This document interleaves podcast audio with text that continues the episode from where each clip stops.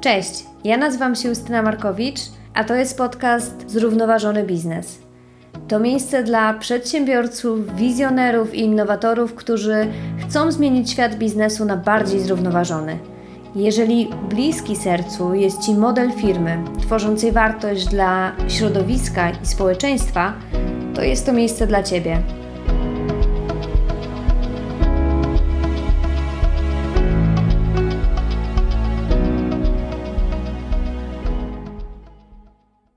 Cieszę się, że tutaj jesteś. Y, to pierwszy odcinek podcastu i w tym odcinku chciałabym e, krótko powiedzieć, czego dotyczyć będzie ten kanał. Będę spotykać się z przedstawicielami biznesu, organizacji międzynarodowych, pozarządowych, a także przedstawicielami nauki, aby rozmawiać o pewnej transformacji, pozytywnej transformacji, która ma miejsce w części firm. Dotyczy ona działań prospołecznych y, i prośrodowiskowych które przesuwają się do głównych operacji, stając się częścią modeli biznesowych i głównych strategii e, firm.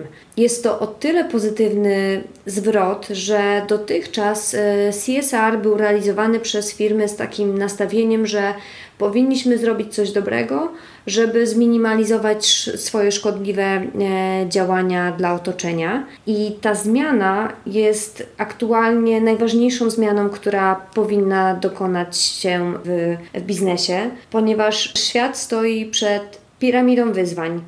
E, mamy do czynienia ze zmianami klimatu, rosnącą populacją, wymieraniem gatunków, kryzysem wodnym, a także aktualnym kryzysem zdrowotnym związanym z pandemią koronawirusa, który, jak wszyscy odczuliśmy na własnej skórze, mm, w błyskawicznym tempie zmienił nasze życie. I jak mówi Marcin Popkiewicz, fizyk, analityk megatrendów, yy, który zajmuje się powiązaniami w obszarach gospodarka, energia, zasoby i środowisko, dotarliśmy do takiego momentu, że jesteśmy na, jako świat na rozdrożu. Osiągnęliśmy pewną granicę pojemności środowiska i nie możemy już dłużej funkcjonować w systemie opartym na paliwach kopalnych e, i eksploatacji środowiska. Jeżeli zostaniemy na tej drodze, która właśnie polega na, na tym starym modelu funkcjonowania, to niestety przyszłość przyszłych pokoleń jest zagrożona. E, możemy też wybrać e, drogę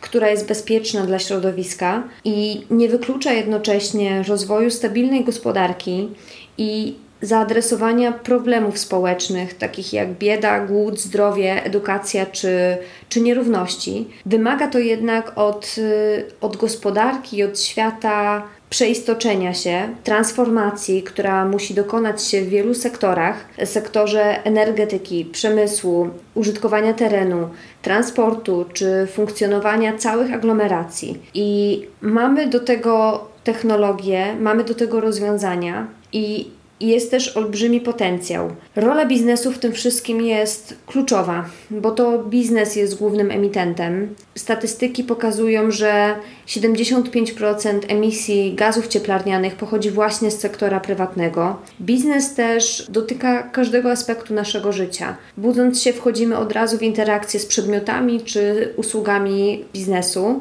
Biznes też ma odpowiednią skalę która łączy go z całym światem, z, z rządami, społeczeństwami, e, państwami, a także kapitał potrzebny do, e, do implementacji tych rozwiązań. Jest też w tym wszystkim olbrzymi potencjał e, biznesowy. Accenture szacuje wartość wdrożenia gospodarki obiegu zamkniętym na 4,5 miliarda dolarów. E, z kolei koalicja Women Business e, wykazuje, że realizacja porozumienia paryskiego w samym sektorze energetycznym do 2030 roku odblokuje przynajmniej 13,5 miliardów dolarów. Paul Polman, były CEO Unilevera, oszacował, że realizacja celów zrównoważonego rozwoju ma potencjał rynkowy 12 miliardów dolarów. To są bardzo obiecujące liczby. Oczywiście nie możemy się ich trzymać kurczowo, ale wskazują nam na pewien e, trend i na pewien potencjał, który, który drzemie w rozwiązaniach e, zrównoważonych. I to już się dzieje. E, widzimy coraz więcej firm, które zaczynają podążać ścieżką zrównoważonego rozwoju. Przykład Unilever, który już od 2010 roku realizuje swoje operacje właśnie w zgodzie z wyznaczoną strategią. Wspięli się już na szczyt różnych rankingów, jeżeli chodzi o sustainability i sami informują, informują, że od 2008 e, roku dzięki wdrożeniu e, procesów ekoefektywności zaoszczędzili 600 milionów euro. IKEA, kolejny przykład, IKEA chce działać w, w obiegu zamkniętym, e, wdraża nowe produkty w oparciu o odnawialne surowce, takie jak kukurydza, buraki cukrowe czy tworzywa z odpadów przetwórstwa trzciny cukrowej. Tutaj plan jest taki, żeby do 2030 roku wszystko powstawało w oparciu o odnawialne lub ponownie przetworzone surowce. Patagonia, firma z branży odzieżowej, kolejny lider. Patagonia mówi wprost, y, że ich branża ma problem z dwutlenkiem węgla. Informują, że, że sektor odzieżowy doda do atmosfery 1,2 miliarda ton CO2 w ciągu roku i porównuje, że to jest tyle samo co loty międzynarodowe i żegluga morska razem. Bardzo duże liczby. Jednocześnie Patagonia, sama wdrażając wiele rozwiązań ekologicznych, mm, stara się zrobić jak najwięcej, ale jest wciąż niezadowolona z tego, jak ta sytuacja wygląda. Zobowiązali się do 2025 roku osiągnąć neutralność węglową i to nie tylko w swojej firmie, ale także w swoim łańcuchu dostaw. Google i Microsoft już od kilku dobrych lat e, funkcjonują e, jako firmy neutralne węglowo. Z kolei Apple i Google w 100% ich operacje e, są oparte o odnawialną energię. Część firm musi być troszkę popchnięta do tego, żeby pójść drogą bardziej zrównoważoną. Przykład zeszłoroczny Amazona, którego 2000 pracowników wyszło na ulicę i zrzeszyło się w ruchu Amazon Employees for Climate Change, domagając się większego zaangażowania swojej firmy w walce z kryzysem klimatycznym. Jako rezultat Jeff Bezos zobowiązał się, że Amazon zrealizuje cele paryskie o 10 lat wcześniej niż porozumienie. Plus e, Jeff Bezos założył e, swój fundusz, który zasilił e, kwotą 10 milionów dolarów swojego prywatnego kapitału na działania związane z łagodzeniem skutków zmian klimatycznych. Zmienia się też y, podejście inwestorów. Tu przykład inwestora instytucjonalnego, jakim jest BlackRock, największy na świecie fundusz inwestycyjny.